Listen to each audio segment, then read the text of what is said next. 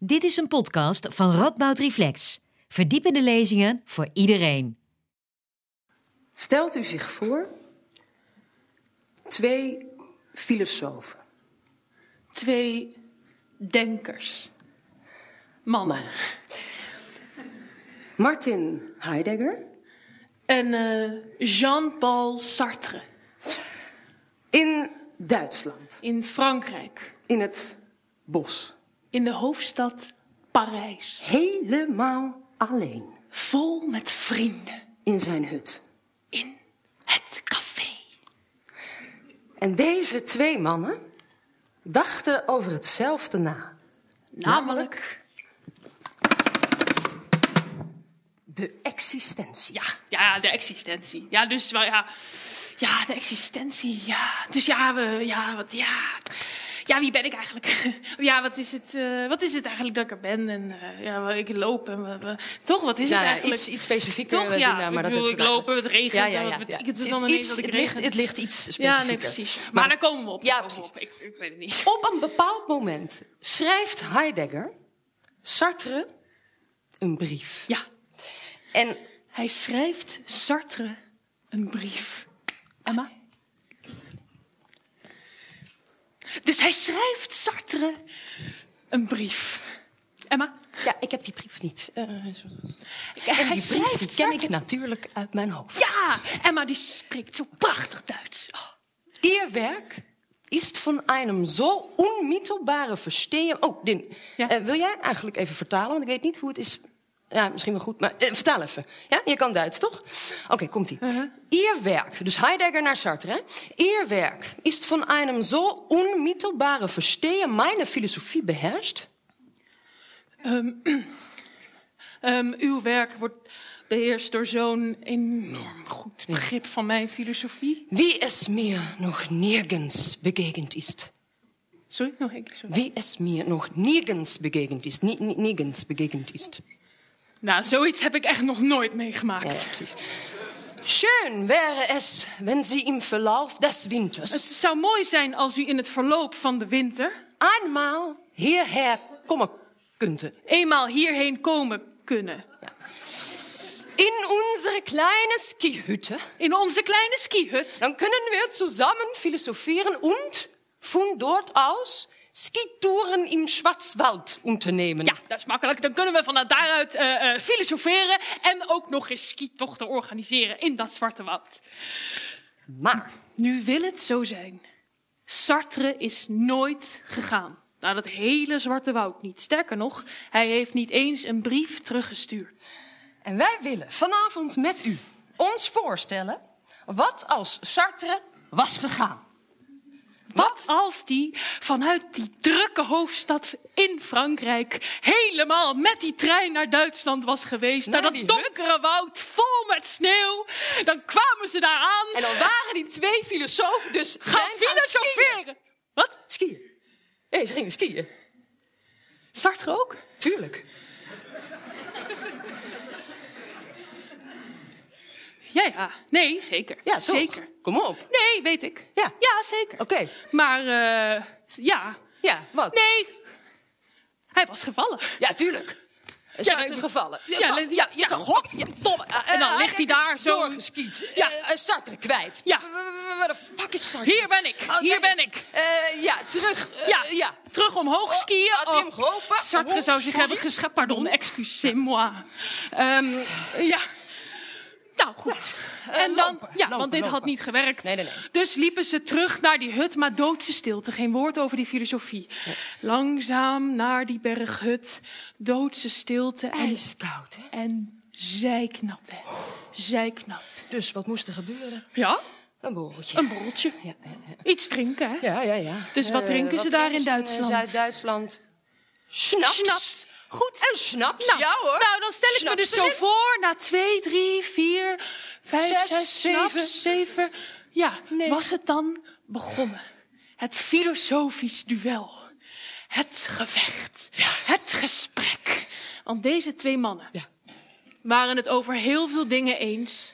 Maar op één punt kwamen ze niet overeen. Namelijk het punt van de dood. Goed.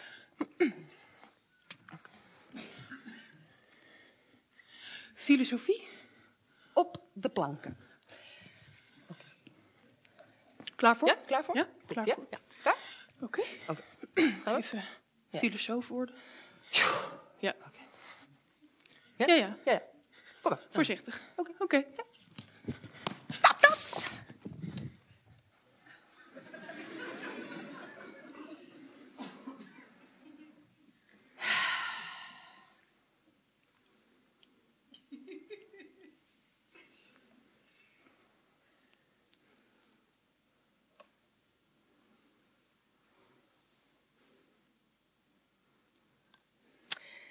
Kijk. Wat ik vraag is: hoe bestaat de dood? Hè? Ja, ja, ja. ja. Hoe bestaat de dood? Het zijn van de dood. Dat is waarvoor ik mij interesseer. Nou, ik heb mijn hele leven lang, hè, nou ja, of mijn filosofisch leven lang al, komt dat trouwens bij mij op hetzelfde neer, Ja, ja, ja, ja, ja, ja, ja, ja. gewijd aan het zijn. Ja, ja. Aan het zijn van, van, ja, van de dingen, aan het zijn van ons, aan het zijn van de dood. Wat bedoelen wij eigenlijk met die meest algemene uitspraak dat iets er is? Ik heb mij altijd proberen te verbazen hè, over dat iets er is, ja. Over dat en, en hoe wij er zijn. Kijk, wij bestaan als een zijnde, als iets dat er is, zo noem ik dat, dat doet er verder niet toe, dat zich tot zijn eigen zijn kan verhouden.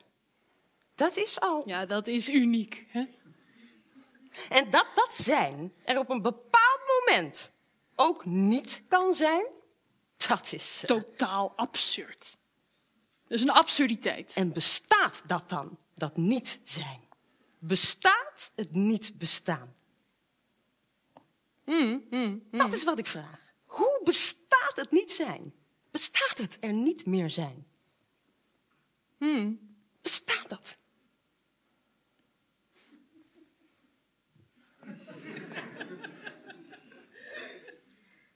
Nee. Nee, in bestaat zekere niet. zin niet. Nee, nee, nee, in zekere zin niet. Nee, de dood betekent er niet meer zijn, er niet meer te kunnen zijn, akkoord. De dood betekent, ja, er niet meer zijn, er niet meer te kunnen zijn, akkoord. Akkoord. Akkoord, maar kun je dat dan zijn? Dood. Nee, Ja, kun je dood zijn? nee. En wat betekent dat dan? Dood zijn. Ja, Martin, eh, dat- dat is niet de goede vraag, denk ik. Je Eh, bent dood als je er niet meer bent. Zeg, geeft u iets te drinken? Nou, heb ben je er als je dood bent? Nee, nee, nee. We zeiden zojuist, je bent er niet als je dood bent. Eenmaal dood houdt het zijn Op. Precies, ja, precies. dood zijn. Dat is dus Onmogelijk. het zijn houdt op te zijn. Dus je kan niet dood zijn. Precies, dat is het, precies, dat is het. Je kunt niet dood zijn, dat is dus onmogelijk. In feite is dat de dood. Een pure onmogelijkheid. Onmogelijk om te bestaan. Dood zijn is een onmogelijkheid. Akkoord. Akkoord. Zo, Goed. was goed, hè? Heel Ja. goed. Oké. Eh, En af. af- en aan eh, u, hè? Ja, ja, ja. Ga, oh, ja, ja, leuk. Ja.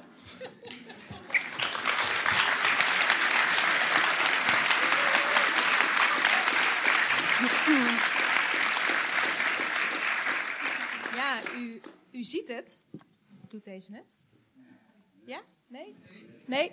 Check? Ja, kijk, daar zijn we. U ziet het. Zelfs twee grote, grote denkers als Martin Heidegger en Jean-Paul Sartre konden het over één ding maar niet eens worden. De dood. Hoe bestaat de dood? Bestaat die überhaupt wel? En hoe moeten wij ons dan tot die dood verhouden? Van harte welkom allemaal bij dit programma van Denkwerk van de faculteit Filosofie, Theologie en Religiewetenschappen en van Rapport Reflects over die ene vraag naar de dood. Leuk dat u er allemaal bent. Ik zie dat er een heleboel mensen ook deze ronde voor deze zaal hebben gekozen. Hartstikke leuk. Ehm, we gaan het vandaag hebben over die dood. En uh, u heeft zojuist al naar een fragment kunnen kijken uit de theatervoorstelling La Grande Finale van uh, theatermakers uh, Emma Linse en Dinda Provilli. Um, zij gaan zo dadelijk nog twee, tijdens dit programma, nog twee fragmenten voor ons spelen. en daartussendoor ga ik telkens in gesprek met theoloog Annemarieke van der Woude en filosoof Tim Michels, beide van de Radboud Universiteit. Uh, en in het laatste gesprekje sluit Radboud promovenda uh, Emma Linsen ook nog even aan. Mijn naam is Pam Teunissen, ik ben programmamaker bij Radboud Reflect. Uh, en ik ben vandaag tijdens dit programma de moderator. Nou, um, mocht u nou nog vragen hebben naar aanleiding van dit programma... Um, dan kunt u die stellen aan het eind van het programma buiten de zaal. En daar kom ik straks nog even op terug aan het eind. Nou, dan laten we nu beginnen aan het eerste gesprek. Uh, Tim, we zagen net de vraag opgeworpen worden: hoe bestaat de dood? Um, en we zagen twee denkers die hier niet echt het, uh, op één lijn lijken te zitten. Wat is nou het grootste verschil tussen deze twee als het om die vraag gaat? Ja, dus um, die twee grote denkers die komen er niet uit. En dan is het eigenlijk aan ons om um, er nu wel uit te komen, er nu wel wat, uh, wat We hebben tien minuten, moet we lukken. hebben tien minuten, moet lukken. um, gaan we doen. Um, ja, dus ik moet zeggen dat ik ben iets meer, ik ben iets meer thuis in uh, uh, de meneer hier achter mij, uh, Martin Heidegger. En voor Martin Heidegger speelt de dood een heel expliciete um, rol in zijn nadenken over de mens. Um, namelijk als hetgeen waar we allemaal, waar eigenlijk ons hele bestaan opgericht is. We zijn allemaal stervelingen, we hebben allemaal te sterven. Um, maar daar gaan we eigenlijk in, de, um, in ons dagelijkse leven zijn we daar vooral heel vaak niet mee bezig. Um, zijn we veel meer bezig met uh, skiën of um, snaps drinken. Vallen tijdens het skiën. Vallen tijdens het skiën, uh, dat soort dingen. Nee, zijn we, daar, zijn we vooral heel erg bezig met. En ik denk dat daar, dat daar wel een soort overeenkomst zit in ieder geval. We zijn vooral bezig met die vraag over de, het feit dat ik te sterven heb, dat niet je of men of we in de algemeenheid, maar dat ik doodga, um, ons niet bezig te houden met die vraag. Um, in plaats daarvan met ons op onze projecten te richten, te, ons in ons dagelijks leven te verliezen. Um, en ons in dat verliezen, in onze, uh, de waan van de dag, de dagelijkse bezigheden, um, de hele tijd net niet naar de dood kijken. De hele tijd net niet uh, echt kijken naar dat feit van onze sterfelijkheid. En was dat voor uh, Sartre anders? Zou, hij, zou, je, zou je zeggen dat hij daar juist wel de aandacht heel erg op, op richt? Nou ja, ook, voor, ook voor Sartre is er, een, um, is er de, dat, punt van, dat punt van verstrooiing. Um, dus dat punt van um, je uiteindelijk, je uiteindelijk daar niet goed mee, uiteindelijk daar niet goed tot kunnen verhouden, zou ik zeggen. Zie je dat ook terug, Annemarieke, in uh, de manier waarop wij in ons dagelijks leven met, met die eindigheid, met die sterfelijkheid omgaan? De verstrooiing bedoel de je? De verstrooiing, het er niet naar willen kijken. Ik vind het moeilijk om daar in zijn algemeenheid iets over te zeggen. Ik denk dat dat van persoon tot persoon verschilt. Dat er mensen zijn die hun hele leven, hun hele leven bewust zijn van het feit dat ze sterven gaan. Dat ze sterfelijk zijn, dat dit leven eindig is. En dat dat ook een positieve impuls aan hun leven kan geven. Dit is het leven waarin ik het heb te doen. Ik denk ook dat er mensen zijn die daar niet over nadenken. Voor wie dat geen rol in hun leven speelt. En ik vind dat eigenlijk ook heel begrijpelijk. Ik bedoel, wat ik. Ik denk dat in ieder geval voor veel mensen geldt dat de vraag naar de dood uh, pas werkelijk aanklopt als ze ziek worden. Dus dat dat pas een moment is waarop ze denken: ik, ik word me bewust van de eindigheid van mijn leven. Dat ik straks afscheid moet gaan nemen. Dat ik mensen achter moet laten. Uh, maar in het gezonde leven is mijn inschatting dat het meer van karakter afhangt. Of je leeft met een besef van de dood. Of dat je daar niet mee leeft. En is dat belangrijk dat we ook dat besef van die dood toelaten in ons leven, op het moment dat we nog wel een gezond leven aan het leiden zijn? Dan vraag je eigenlijk naar een moreel oordeel daarover. Nou, nee, ik vraag meer: ehm, kan het je ook op een bepaalde manier betekenis verschaffen? Kan het van betekenis zijn als je leeft in het besef van je eigen sterfelijkheid? Dat is toch eigenlijk- waar, waar Heidegger, als ik jou goed begrepen heb, eh, Tim, eh, de nadruk op legt. Ja, dus het komt er ook op aan als je het zeg maar. ehm, die vraag om het een rol in je leven te laten spelen. Wat verstaan we daar dan precies onder? Dus ik heb, net, ik heb net iets gezegd over hoe we op allerlei manieren ons vaak helemaal niet bezighouden met die vragen en proberen weg te kijken. Maar er is ook een manier waarop we ons juist wel heel erg de hele tijd bezighouden met, die, met de dood. Eh, in praatprogramma's over de dood eh, aan, de, aan de kist staan en daarover praten. Kijken naar horrorfilms. ehm, eh, waarin mensen op allerlei gruwelijke wijze vermoord worden. Eh, dat is ook een, een, op een bepaalde manier je verhouden tot de dood. Ehm, maar ja, je hebt een verschillende manieren waarop je ergens over kan praten. Je kan ergens over praten op een manier waarop je de zaak waarover je praat naderbij probeert te krijgen. En daadwerkelijk ingaat op hetgeen waarover je, eh, waarover je spreekt. En je hebt een manier van praten die eh, verdekkend is, bedoezelend is, ehm, eh, verbloemend misschien wel. En als je, het, als je het hebt over het een rol laten spelen op een bepaalde manier, ja, als dat een, een rol spelen, een, een verbloemende rol spelen is, brengt het ons eigenlijk niet nader tot. Nou, terugkomend op jouw vraag van, eh, van zojuist, Pam, kan het besef van de dood betekenis geven aan je leven? Wat mij, wat mij zinnig lijkt, is dat eh, een besef van je eigen sterfelijkheid, dat houdt ook in dat er na jou nieuwe generaties komen. En dat besef lijkt mij heel zinvol. Dus ook een, een besef van tijdelijkheid, van ja, ik zeg het maar heel gewoon, je verblijf hier op aarde. Maar even goed vind ik, het vind ik het besef van traditie zinvol. Dus ook het besef dat de mensen generaties voor je zijn geweest. In wiens voetsporen je treedt. Dus in die zin kan een besef van je sterfelijkheid, je tijdelijkheid... zeker betekenis geven aan je leven. Ik denk dat we de beide heren weer aan het woord gaan laten daarover. U mag weer eh, plaatsnemen. Ja? Ja. Voorzichtig. Ja, ja. Tats. Goed. Dus, dood zijn, dat is een onmogelijkheid. Wel nu, hoe bestaat die onmogelijkheid?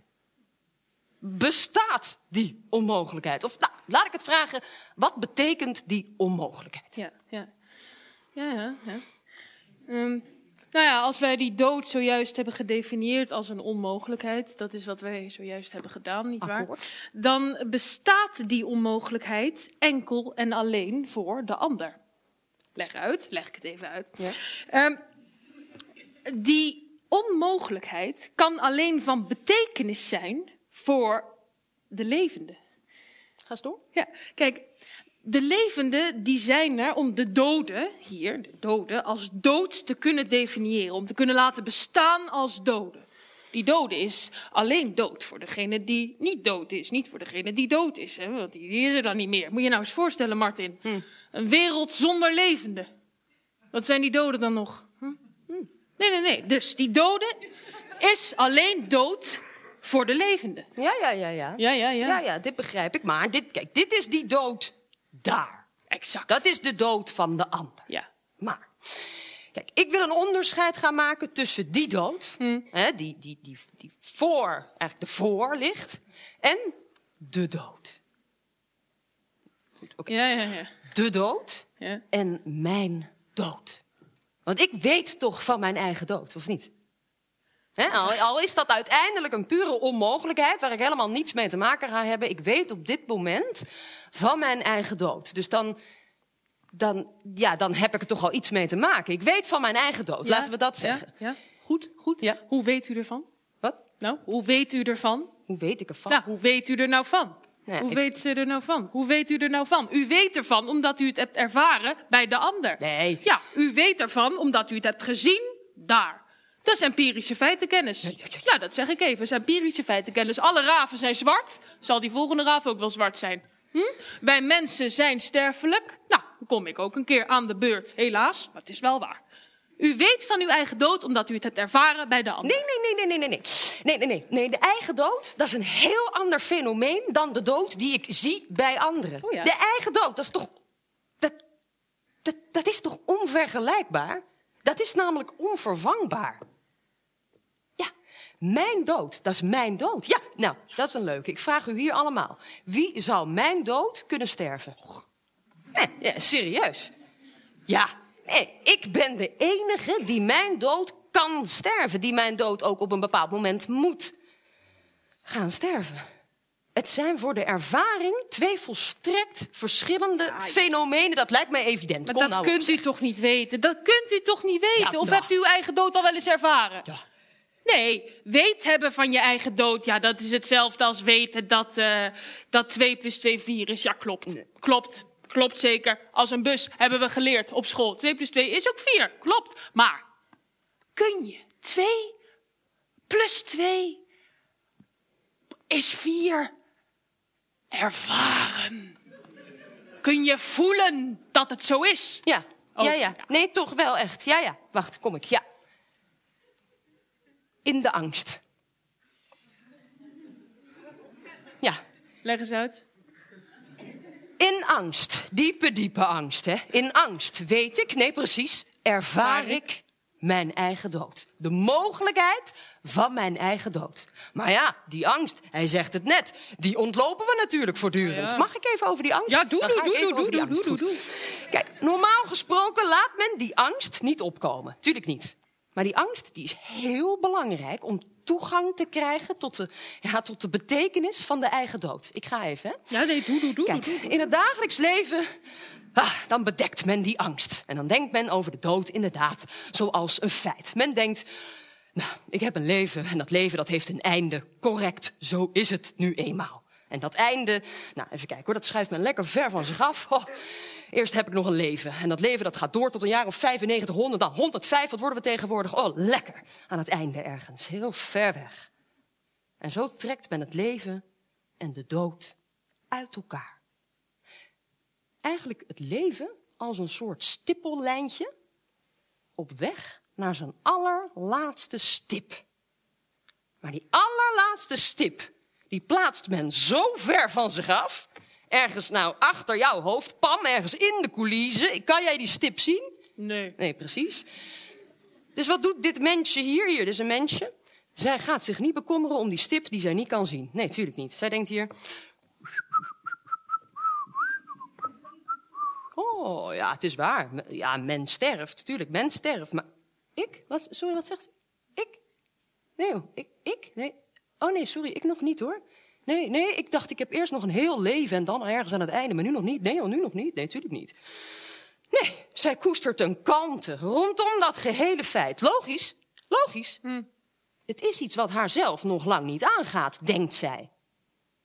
Maar de dood denken als een laatste stip van een stippellijn, dat is natuurlijk onzin.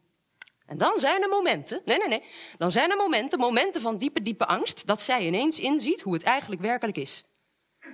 Dat die dood geen laatste stip van een stippellijn is, dat die dood niet daar is, niet daar, maar dat haar eigen dood voor haarzelf enkel en alleen maar in het leven bestaat. Voortdurend aanwezig.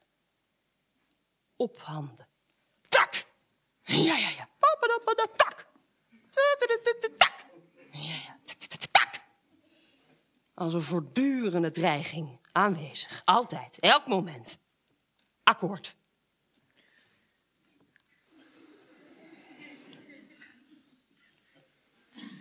Absoluut niet. Oeh, Maar daar komen we op. komen we zo.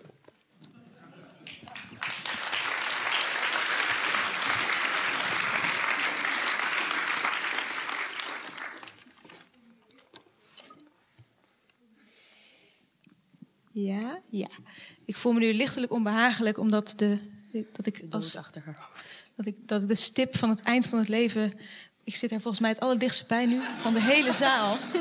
Maar Ik ben blij goed, dat jullie tussen me in zitten. los daarvan. Ehm, de heren maken wel een, eh, een interessant punt. Want als we bang zijn voor die dood, als we die diepe angst ervaren, waar zijn we dan bang voor?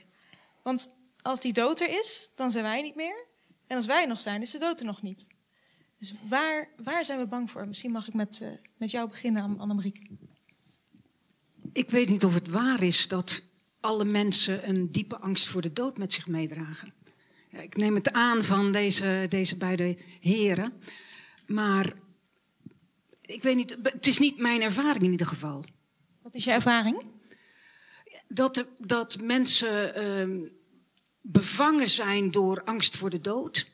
En jouw vraag, Pam, waar zijn ze dan misschien bang voor? Nou, soms houdt die angst in dat ze bang zijn voor wat er aan hun dood voorafgaat. Dat ze ziek worden, dat ze afhankelijk worden, dat ze niet meer voor zichzelf kunnen beslissen, dat ze de controle verliezen. Die mensen ken ik, die mensen eh, maak ik mee. Maar er zijn ook mensen, ik heb ook mensen gekend die die angst niet hebben. Die op een moment te horen krijgen dat ze sterven gaan. En die dat in volkomen vrede tegemoet gaan. Dus ik betwijfel of ieder mens leeft met een existentiële angst voor de dood. En ik vraag me dan wel af bij de mensen die, waarbij je die angst wel ziet, maar dan vooral voor wat er aan de dood vooraf gaat. Ik denk dat een, een Heidegger dan zal zeggen: dan ben je niet bang voor de dood. Dan ben je bang voor het leven en wat het leven kan zijn. Of gaat het dan toch over je eigen sterfelijkheid? Nou ja, dus ik denk. Daarom. Ehm, ik, ehm, ja, dus dat, ik vond dat, dat, dat die uitspraak waar je, waar je eigenlijk mee begon, die is interessant. Dat hele als de dood, eh, als de dood er is, ben jij er niet meer. Ehm, en ehm, als ik er nog ben, is de dood er nog niet. En dat is eigenlijk, het is bijna een soort bezwerende uitspraak. ehm, die ook aangeeft van, nou, maar je hoeft er helemaal, je hoeft er eigenlijk helemaal niet bang voor te zijn. En er, zit, er is een soort, en dan zijn we weer bij dat spreken over de dood, dat niet echt een spreken over de dood is. Je hebt een heel vertoog, ook in, in de filosofie, dat vooral de dood wil zien als iets.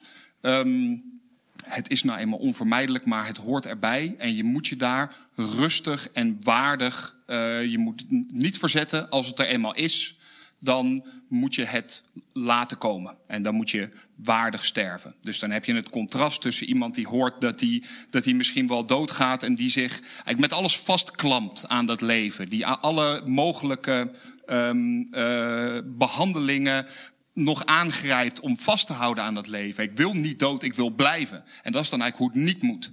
Eh, hoe het wel moet is, je moet het als het, eenmaal, als het er eenmaal is, als je een, een, een, een diagnose krijgt, je bent ongeneeslijk ziek, dan moet je dat accepteren. En daar zit iets in dat wringt.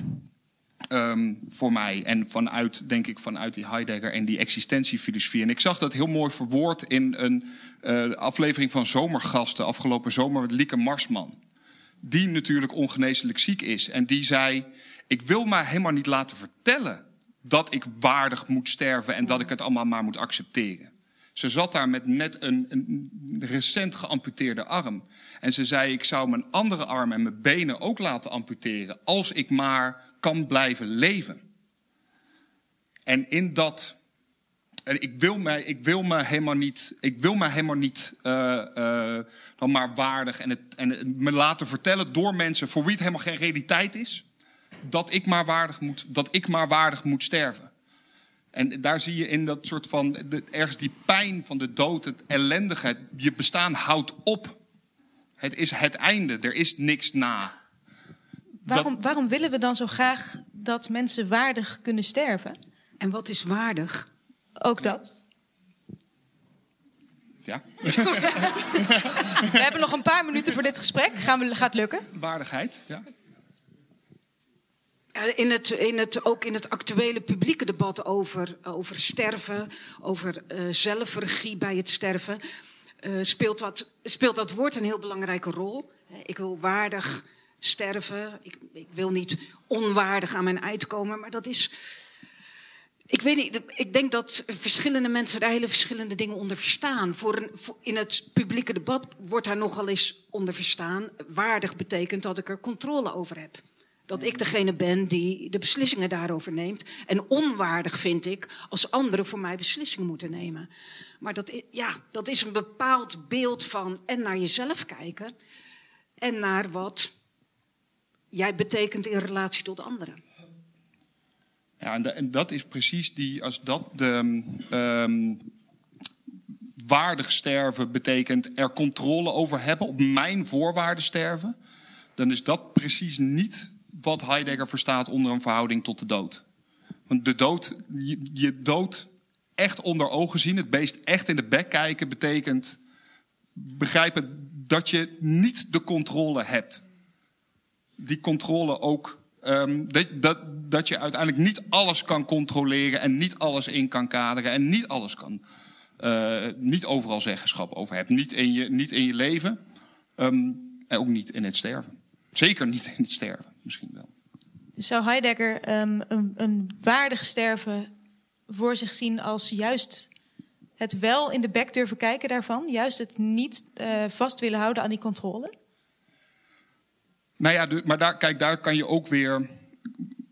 Kijk, het, in, het, um, het aangaan betekent um, de onvermijdelijke realiteit ervan onder ogen zien. Maar dat betekent niet noodzakelijk je moet het maar gelaten over je heen komen, maar ook niet je moet je met hand, je, moet je met hand en tand verzetten. Um, het is niet een soort appel tot, zeg maar, tegenover de, uh, de mensen in het publieke debat die nu oproepen tot uh, inderdaad waardig sterven, daar tegenover staan en zeggen: nee, je moet kicking en screaming de wereld uit. Dat is de manier om te sterven. Um, maar het wel een soort van ja, de realisatie dat je. Um, de realisatie dat je te sterven hebt, is vooral het inzicht dat jouw leven eindig is, dat jij eindig bent, dat het volstrekt contingent is, dat je hiervoor heel veel jaren niet bestaan hebt en hierna heel veel jaren niet zal bestaan en nu even toevalligerwijs bestaat, zonder dat daar een reden of doel voor is. En dat je hetzelfde rooien hebt in die tijd. Ja, is gezellig hè, op de vrijdagavond. Ja. Sorry. maar goed, u bent bij een programma over de dood, dus u had het kunnen weten. Ze hebben hun eigen bed gemaakt, nu moeten ze erin liggen. Ja, precies. Ja. Als laatste vraag dan voor dit gesprek. Is, uh, we zagen net uh, er een heel duidelijk onderscheid gemaakt worden tussen de dood van de ander en mijn eigen dood. Is de angst voor de dood van de ander nu dezelfde als de angst voor de eigen dood? Of is dat een heel ander dier weer? Ja. Wie van jullie er een antwoord op heeft? In ieder geval, bij Heidegger is, het, is dat echt een heel, ander, een heel ander dier. Is het zeg maar, de dood van de ander is vooral iets dat altijd op een bepaalde mate ongemakkelijk is. Um, het, en dat, het verschillende gradaties van ongemakkelijkheid. Als het echt een dierbare is, dan is het heel, heel intens disruptief voor mijn leven. Als het iemand is die wat verder weg staat, dan is het vooral onhandig. Hè? Allemaal als het iemand oud is die doodgaat, dan kan de begrafenis van opa niet volgende week donderdag, want ik heb nu zo'n drukke week op werk. Dat is toch anders dan die angst voor je eigen sterfelijkheid. Nou, het is uiteindelijk, je, sterven is, ik, alleen ik uh, kan mijn eigen dood ja. sterven. Dat is wat, wat net uh, de, de, uh, de heren ook zeiden, of in ieder geval de heer Heidegger ook zei. Um, niemand hier in de zaal kan mijn dood voor mij sterven. Dus mijn, mijn verhouding tot mijn eigen sterfelijkheid is, um, is een, in, in die zin een unieke verhouding. Ik ben heel benieuwd. Um, oh, jij bent nog het laatste. Ja, ja, ja. Uh, Pam, jouw vraag. De, uh, het verschil tussen de dood van de ander en mijn eigen dood. Ik ben geneigd, maar ik denk dat dat ook een persoonlijke opvatting is. Ik ben geneigd om te zeggen dat de dood van de ander voor mij veel pijnlijker is dan mijn eigen dood. Want je eigen dood maak je natuurlijk niet mee. Of ja, het, het, de weg er naartoe. Maar de dood zelf misschien niet. Eh, nee, dat klopt. Dat klopt. En de pijn van de, de dood van de ander is eh, de pijn die ik te dragen heb om daarna verder te leven. Ehm, en nou ja, zoals ik er tegenaan kijk, doet mij dat meer uh, verdriet, het besef dat de mensen van wie ik houd ook sterven kunnen, dan dat ik me realiseer dat ik, dat ik natuurlijk zelf ook sterfelijk ben. Van die gedachte heb ik minder last dan van de gedachte dat uh, de mensen om mij heen uh, er op een moment niet meer zouden kunnen zijn. We gaan kijken naar het allerlaatste fragmentje. Dus uh, de zaal is weer voor jullie.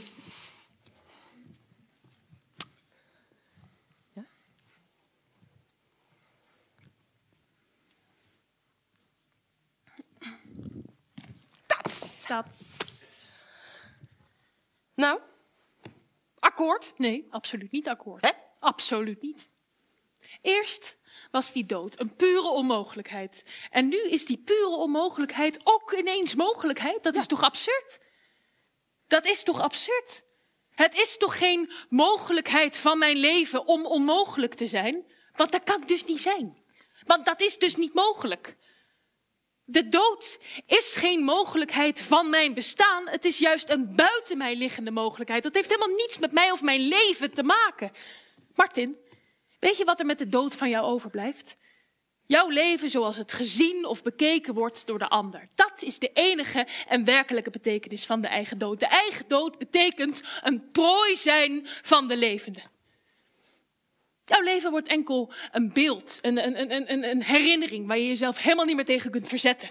Ga eens weg. Wat? Ga eens even af. Weg? Even weg. Nee. Even weg. Hup. Even weg. Die coulissen in. Even weg. Oké, oké.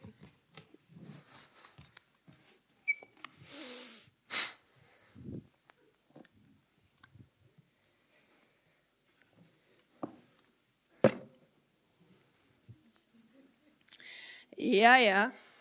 Martin, Martin, Martin, Martin, Martin, Martin, Martin. Ze kunnen met je doen wat ze willen, want je bent er niet meer om jezelf te verweren. Je bent niet meer vrij om dat wat ze van je zeggen te niet te doen. Straks schrijven ze een biografie over je. En dat ben je dan. Je wordt zoals een stoel door de dood, zoals een object. De anderen kunnen je met hun vrijheden benoemen zoals ze dat willen. Het is de overwinning van de ander. Het is de hel.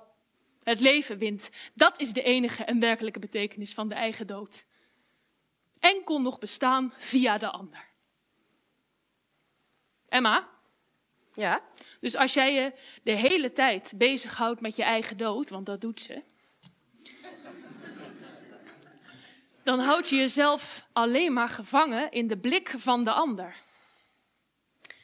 Zo.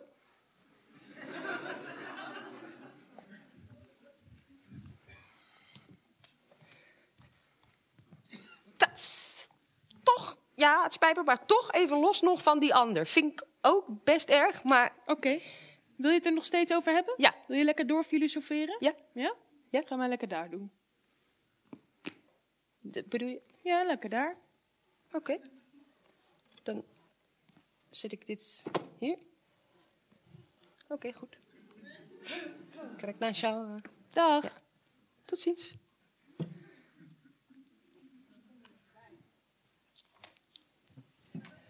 Eigenlijk een vraag stellen aan Emma, maar ik weet niet zeker of ik nog met Martin tegenover me zit. Nu ben ik mezelf. Oké. we zagen het, uh, dat ik hier ging zitten. Ja. we zagen het Dien daar net al even zeggen. Uh, dat doet ze, zich bezighouden met de eigen dood. Ja, verschrikkelijk. Hè? Ik, ik, vraag me toch wel, ik ben toch heel nieuwsgierig nu. Een stuk over de dood. Ja. Waarom juist dat onderwerp? Wat sprak je je daar zo aan aan? Uh, nou, ik ben daar inderdaad veel mee bezig. Uh, met die dood. Ik ben een enorme hypochonder. Dus ik denk eigenlijk elke dag dat het einde, dat het einde nadert. Uh, en toen ben ik een scriptie gaan schrijven over de dood. Uh, bij dus deze twee heren. En, en daar zijn wij een voorstelling van gaan maken. van die scriptie. maar ja waarom, de eigen ja, waarom de dood? Nou, omdat ik daar dus veel mee bezig ben, wel eigenlijk. Ik ben inderdaad best wel bang voor mijn eigen dood. En was dat ook wat jij terugzag in, uh, in het werk van deze twee heren? Van die angst voor die eigen dood. Kon je, daar, kon je het, dat een beter een plek geven door daar een scriptje over te schrijven? Ja, dat, dat vragen heel veel mensen de laatste tijd. Ik vind het altijd een moeilijke vraag. Maar ja, ik denk door, door, door deze hier wel, op zich. Eh, niet, niet door Sartre, want die, die, nee, die, die heeft het niet over de angst voor de dood. Of die geeft dat niet, een, niet, niet, niet zo'n plek in zijn filosofie. Ehm, maar wel bij Heidegger in elk geval dat er gewoon echt geen ontkomen